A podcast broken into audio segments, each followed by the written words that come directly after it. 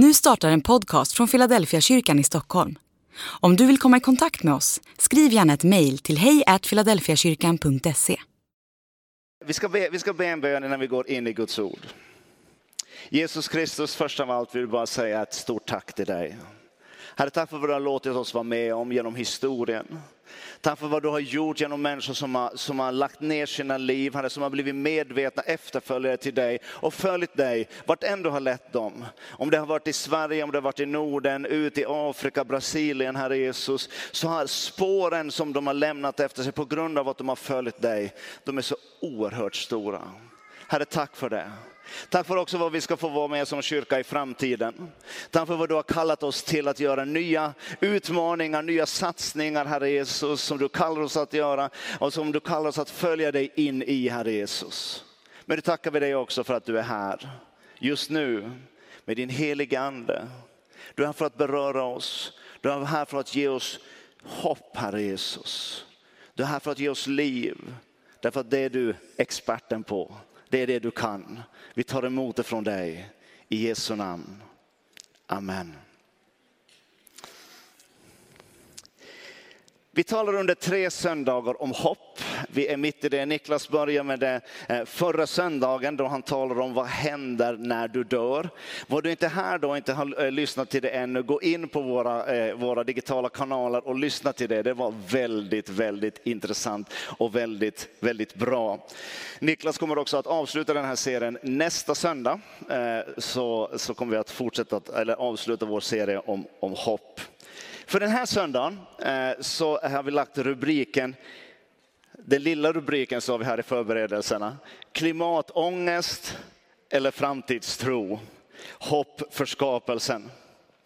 Eh, Niklas talade i förra söndagen om, eh, utgående från fredag, lördag och söndag. Du som var här så, så, så kommer du ihåg det. Jag kommer att tala om måndag till torsdag. Så Niklas tog helgen, jag tar vardagen. Eh, men, och, och det, här, det här är ju ingen teologisk princip, men jag tror det är, det är en liten hjälp för oss att se det här. Därför att eh, Guds eh, skapelse och den, den kristna tron, den är, den, den är kronologisk i tid. Vi tror inte på reinkarnation, vi tror inte att det är bara en cirkel som går så här, utan vi tror att Gud har en historia som han berättar i, i, sin, i sin bok, men också där, där, utgående från vilken han handlar. Så vi tar måndagen och to, måndag till torsdag den här, den, den här dagen. Finns det hopp? Eh, Paul eh, Schrader, en, han är en, en regissör, filmproducent i USA. Han sa i en, en stor intervju 2018, jag tror inte det finns någon riktig anledning att känna hopp. Det säger han. I samtal, vi som arbetar med själavård och i samtal så här övrigt så kan man, kan man möta på människor idag också, yngre människor som säger så här, är det verkligen rätt att sätta barn till världen när det ser ut som det gör. En reell fråga där de, i, den, i den plats de, de finns. Och den ena rapporten efter den andra avlöser varandra. Vi har precis avslutat Glasgow eh, och man såg eh, de som höll slutplädering att det var inte med jättestor frimodighet och jättestor kanske stolthet man presenterade det man har kommit fram till, utan eh, redan, redan när man presenterade hör man tvivlen. Kommer det här att gå? Kommer det här att bli någonting? Så när jag läser Lukas evangeliet, bland annat eh, i Lukas evangeliet 21, där Jesus har ett, sitt stora eskatologiska tal, så säger han så här, folken grips av ångest och står rådlösa vid havets och vågornas dån. Då tänker jag, det skulle man kunna skriva om vår tid. Det skulle man kunna skriva om den tid där vi lever. Hoppet verkar vara under attack och hopplösheten inför framtiden breder ut sig. Jag tror att förlora hoppet är någonting, det, någonting av det värsta en människa kan uppleva. När man tappar hoppet på något sätt så tappar man fotfästet, man tappar på något sätt det orsaken till att stiga upp på morgonen, orsaken till att på något sätt planera framåt, tänka, liksom, eh, eh drömma och så vidare. När hoppet, när hoppet ryker, då är det så mycket som, som kommer med det. Och, hopplö och med hopplösheten följer också väldigt ofta ångesten. Hur ska det gå? Hur ska det bli? Och ända från det lilla perspektivet med mig eh, och på något sätt mitt liv till det stora perspektivet, eh, om det finns någon, något hopp för skapelsen. Eh, Uh, när man lägger det här, den här, det här scenariot fram så, så finns det ett ställe i, i Bibeln eh, som, som skymtar fram bland annat i psalm 137. Eh, det här handlar om när Israels folk hade förts till, i fångenskap i Babylon. Och så säger de så här, vi ska återkomma lite till det lite senare, men de säger så här i psalm 137 och 1. Vid Babels floder, där satt vi och grät när vi tänkte på Sion. Där i pilträden hängde våra harpor. För våra fångvaktare bad oss att sjunga, våra plågare bad oss vara glada. Sjung för oss en av Sions sånger. Men hur kan vi sjunga Herrens sång i ett främmande land?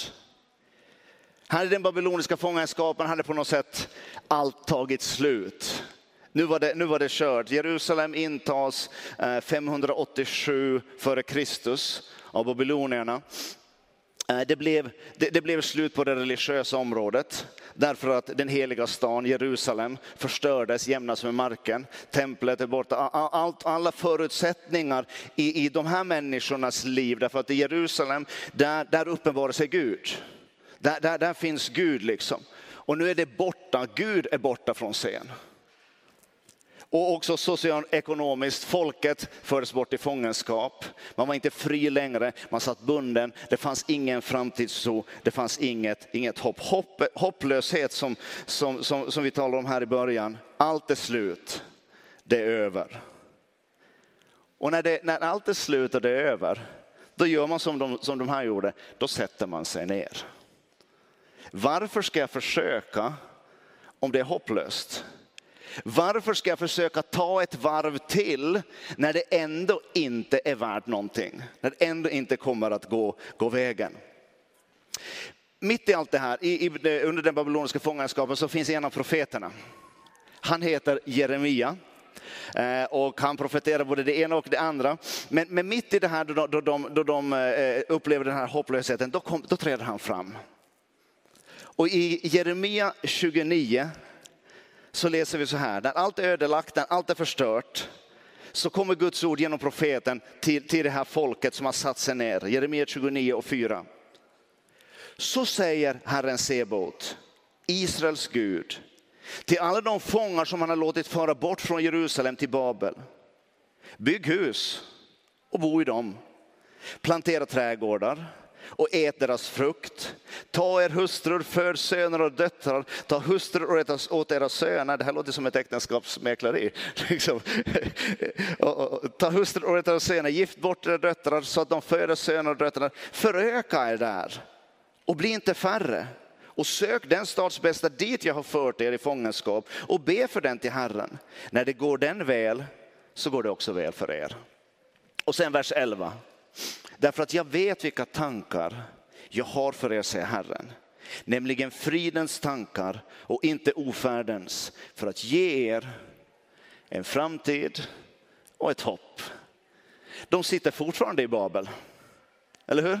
De sitter fortfarande med samma omständigheter runt omkring sig, men, men nu har Gud berättat lite grann hur han ser det. Och jag brukar be ibland den bönen att Gud, hjälp mig se det du ser, därför att Gud ser så mycket vidare än vad vi ser. Så när de sitter i hopplösheten, då säger Gud, jag har andra tankar för er. Jag har tankar av framtid och hopp. Sådana profeter behöver vi idag.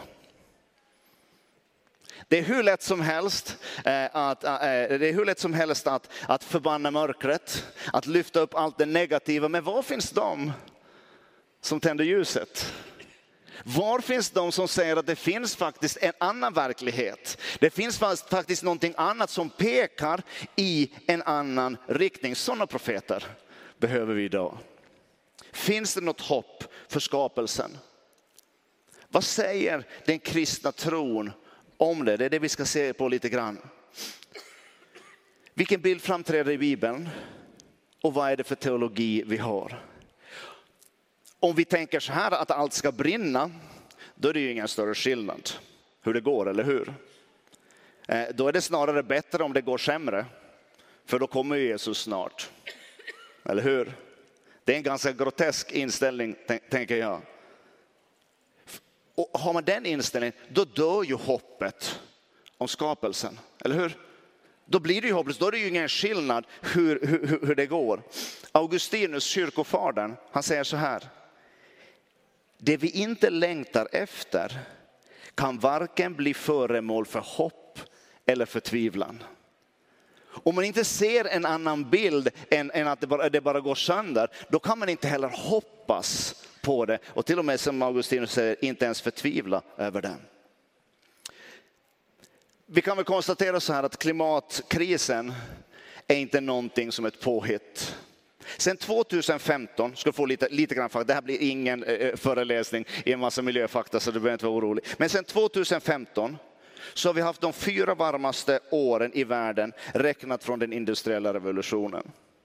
Nio av tio varmaste åren som uppmätts på jorden har alla inträffat på den här sidan om sekelskiftet. Living Planet Report säger så här att 60 procent av alla vilda djuren på jorden har försvunnit under de senaste 40 åren. Det är ganska, ganska, ganska tuffa puckar. Men ändå, trots att man hör det så, så vill man skjuta det ifrån sig lite grann. Eh, för det, det, är svårt att ta in.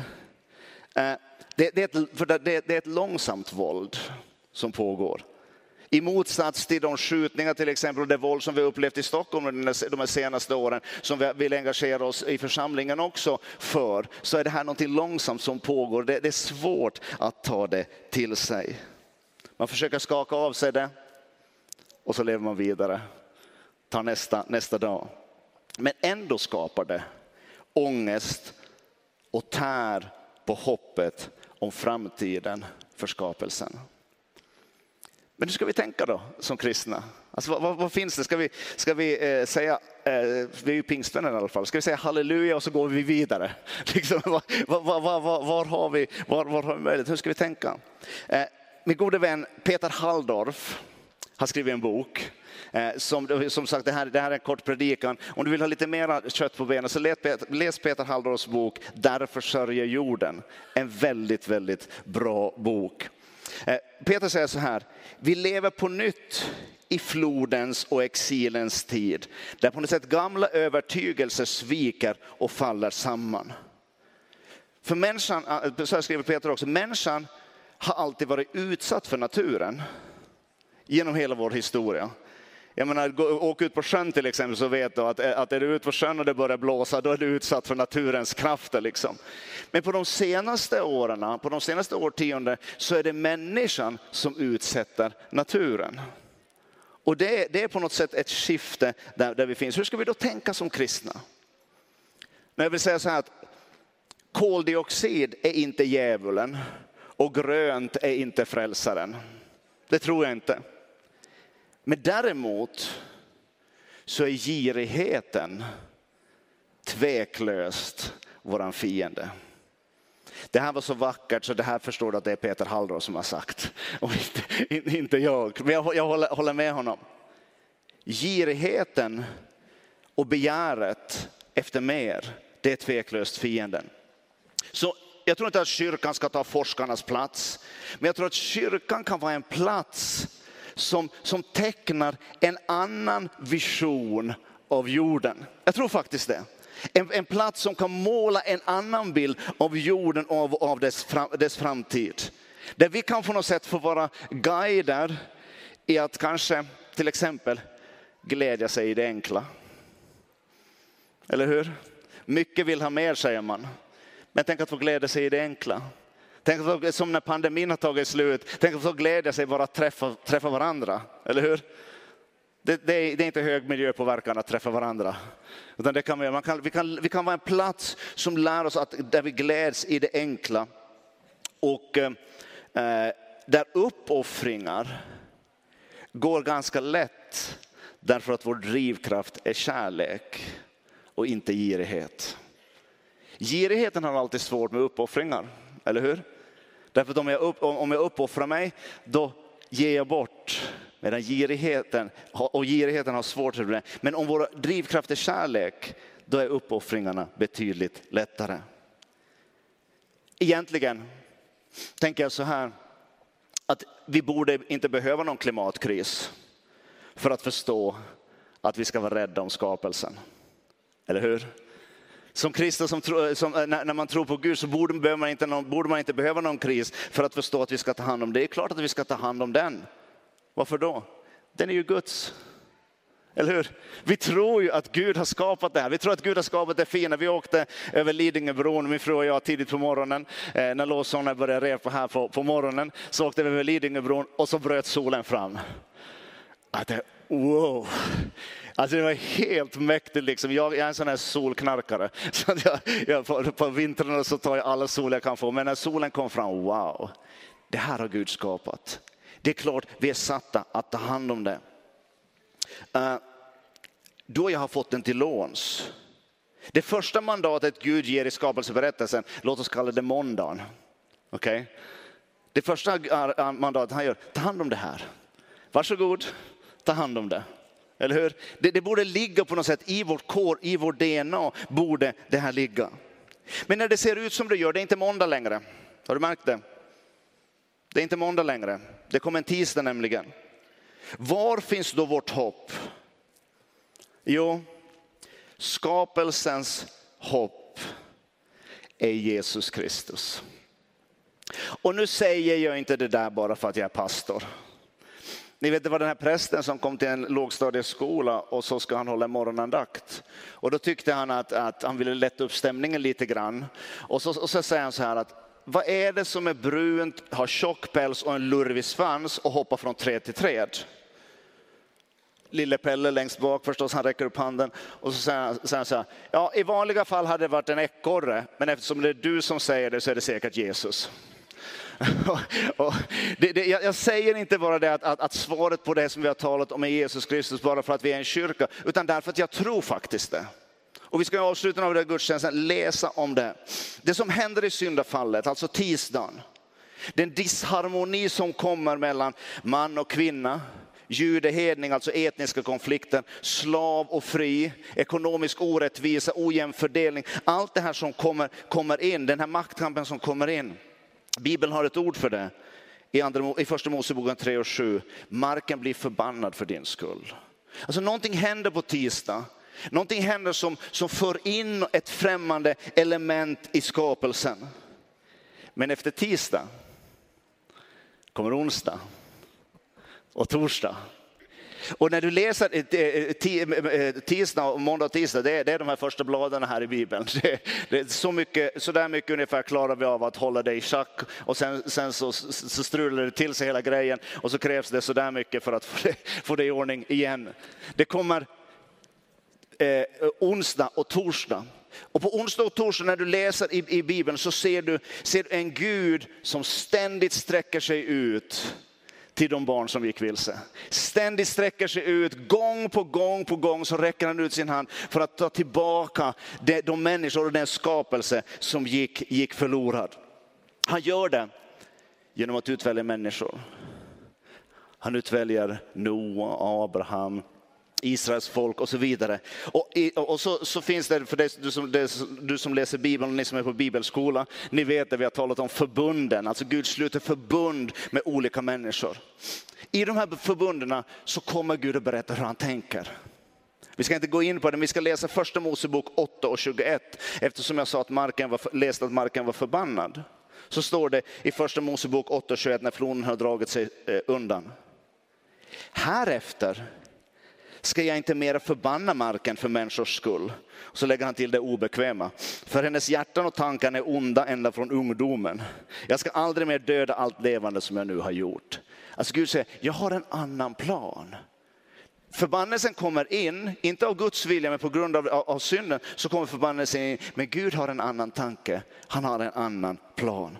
Det här är, vill jag påstå, den kristna grundförståelsen av en Gud som kommer in i bilden därför att mänskligheten har misslyckats. Inte en Gud som säger, okej, okay, have it your way. Vad blir det på svenska? Det blir, ni får ha det som ni har det liksom. Jag, jag gjorde allting klart men ni strulade till det. Utan en Gud som ständigt räcker ut sin hand. Åt oss som individer, men också till hela sin skapelse. Kristus innebär frälsning för mänskligheten, men också för hela skapelsen. Kristus är ute för att frälsa hela skapelsen. Lyssna här, vi ska, ta, vi ska läsa Rombrevet innan vi avslutar. Rombrevets åttonde kapitel. I Rombrevets sjunde kapitel så beskriver Paulus sin kamp, att han försöker räcka till, han försöker göra det som är rätt, men han, han strular till det hela tiden. Men det finns en hög igenkänningsfaktor när vi läser Rombrevet 7 där på slutet. Men så kommer han till Rombrevet 8. Och på något sätt,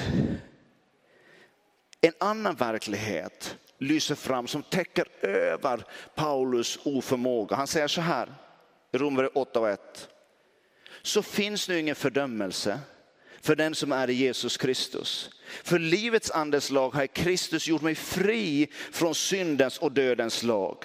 Det som var omöjligt för lagen, svag som den var genom min kötsliga natur, det gjorde Gud genom att sända sin egen son som ett syndoffer till det yttre likt en syndig människa och i hans kropp fördömde Gud synden.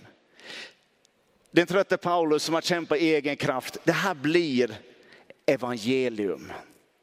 Evangelium, det är budskapet om att någon har kommit in i vår situation, någon har kommit in i vår verklighet. Och det inte vi kunde göra därför att vi var försvagade, vi kunde inte hålla lagen, det, det gjorde Gud genom att han sände Jesus Kristus. Och det kallar vi då din personliga frälsning. Men men, eh, och den är inte bara andlig, han säger till och med, det var Niklas inne på förra söndagen, i vers 11 säger han så här, han ska till och med göra era dödliga kroppar levande genom sin ande som bor i er. Vi tror på kroppens uppståndelse, säger vi i den apostoliska trosbekännelsen. Vi tror att vi ska uppstå. Han ska till och med göra våra dödliga kroppar levande. Vilket fantastiskt hopp, eller hur? Men han slutar inte ens där Paulus i Romarbrevet 8. Därför att det nya riket som han förkunnar i evangelium, det kommer att påverka hela skapelsen. Det kommer att få återverkningar på hela skapelsen. Lyssna, det, det är sol, solklar text. Eh, I vers 19 i Romarbrevet 8.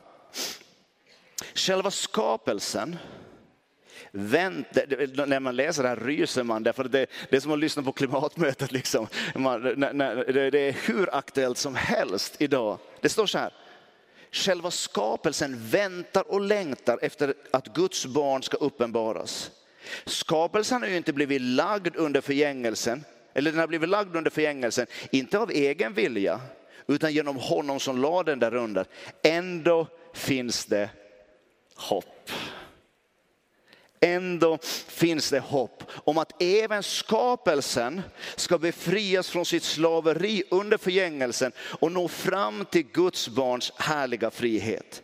Vi vet att hela skapelsen gemensamt fortfarande suckar och våndas. Det vet vi, eller hur? Och inte bara den, utan också vi som har fått anden som förstlingsfrukt. Vi suckar inom oss och vi väntar på barnaskapet, vår kroppsförlossning. I hoppet är vi frälsta.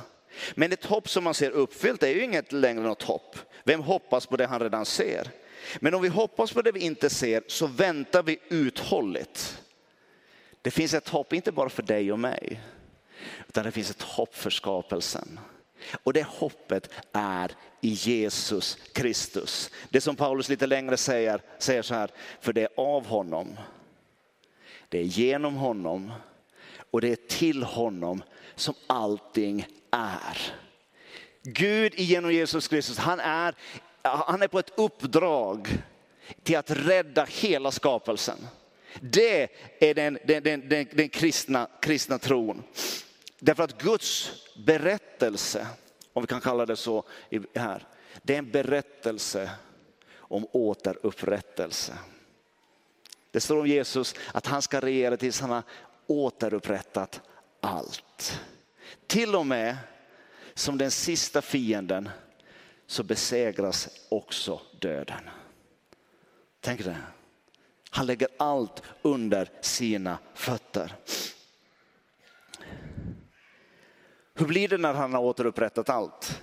Min enkla teologi är att om du vill veta hur det är på söndag, kika in lite hur det var på måndag. Kika in lite hur det börjar. Där ser du lite grann hur det kommer, vart, vart det här kommer att ta vägen när Gud i Jesus Kristus har upprättat, upprättat allt. Vår förmåga, vår förmåga räckte inte till, men vi är inte lämnade åt oss själva. Det är då hopplösheten kommer in. Hopplösheten kommer in när du är lämnad åt dig själv därför att du vet att din kraft inte räcker till. Den kristna tron det är att du och jag är inte lämnade åt oss själva utan vi är lagda, lite poetiskt här, vi är lagda i vår frälsares händer. Och inte bara vi, utan hela skapelsen. För han har makt att lägga under sig allt. Det, kristna, det är i Kristus som vårt hopp och vår framtid ligger. Naturligtvis Kristus, och, och, och när, vi, när vi blir berörda av honom, hans rike, då, då, då är det ju en omsorg om jorden. Absolut. Jag tror absolut att en kristen människa behöver ha omsorg om skapelsen runt omkring sig, sina medmänniskor, men också den, den, den, den, eh, den plats där vi finns. Eller hur? Där ska vi vara väldigt aktiva, det tror jag. Men där inte våra eh, ansträngningar räcker till, vet vi att det ligger i starkare händer än vårt. Jag behöver inte ha klimatångest. Varför? För att jag stoppar huvudet i sanden och säger jag är inte här, jag är inte här, jag är inte här. Det är en väldigt dålig lösning. Den är väldigt kortsiktig. Därför att oavsett hur mycket du säger att du inte är här, när du öppnar upp ögonen så vet du, du är fortfarande här. Så det, det, det är inte en smart lösning, utan hoppet ligger i det att vår framtid ligger i starkare händer än i våra egna. Och det är honom, i hans hand som du har lagt ditt liv, om du tror på honom. Men det är i hans hand som hela skapelsen vilar. Jag sa, eh, jag, jag, jag, vi ska hoppa till söndagen innan vi säger amen och ska vi läsa det sista bibelordet. När söndagen äntligen är här för dig, men för hela Guds skapelse, då låter det så här. Från Uppenbarelseboken, det 21 kapitlet och den första versen. Och jag såg en ny himmel och en ny jord. Den första himlen och den första jorden var borta och havet fanns inte mer. Och jag såg den heliga staden, den nya Jerusalem, komma ner från himlen från Gud, redo som en brud som är smyckad för sin man. Och jag hörde en stark röst från tronen säga, se, nu står Guds tält bland människorna han ska bo bland dem. Det ska vara hans folk. Och Gud själv ska vara hos dem. Och han ska torka alla tårar från deras ögon. Döden ska inte finnas mer och ingen sorg och ingen gråt och ingen plåga. För det som förr var, det är nu borta. Jag ser, jag ser den, den, den, den världshistoria som vi lever i som en stor parentes. En parentes som kommer in på tisdag när, när, när vi valde att vända Gud ryggen, den parentesen kommer att slutas. Ni vet ni som är matematiker, en formel är inte korrekt om du har parentesens början och parentesens slut. Det här berättar om när parentesen äntligen är slut, när Guds verk äntligen är klart. Men till dess så säger vi som Jeremia, bygg ett hus och bo i det. Plantera en trädgård och ät deras frukt. Man frågar Martin Luther, om du skulle veta att Jesus kommer imorgon, då säger han, då skulle jag ändå plantera mitt äppelträd idag. Att vara kristen är inte att fly från verkligheten. Att vara kristen, det är att se verkligheten som den verkligen är. Den stora verkligheten. Det vill Gud ge dig så att du får en framtid och så att du får ett hopp. Vi ber tillsammans. Jesus Kristus, vi tackar dig. Tack för det hopp som du har gett åt oss är förankrat i det starkaste möjliga, nämligen i dig själv. Du som säger att du ska aldrig överge oss, du ska aldrig lämna oss. Du har också sagt att du ska besegra alla makter tills till och med döden är besegrad. Tack för det kristna hoppet. Därför mitt i vår verklighet, mitt i en skälvande miljö, i en skälvande eh, eh, värld som vi lever i, där det är mycket, stora vågor och mycket brus. Tack för att vi får lägga vårt hopp på dig. Och så får vi leva här och nu, plantera och leva. Vi tackar dig för det. I Jesu namn. Amen.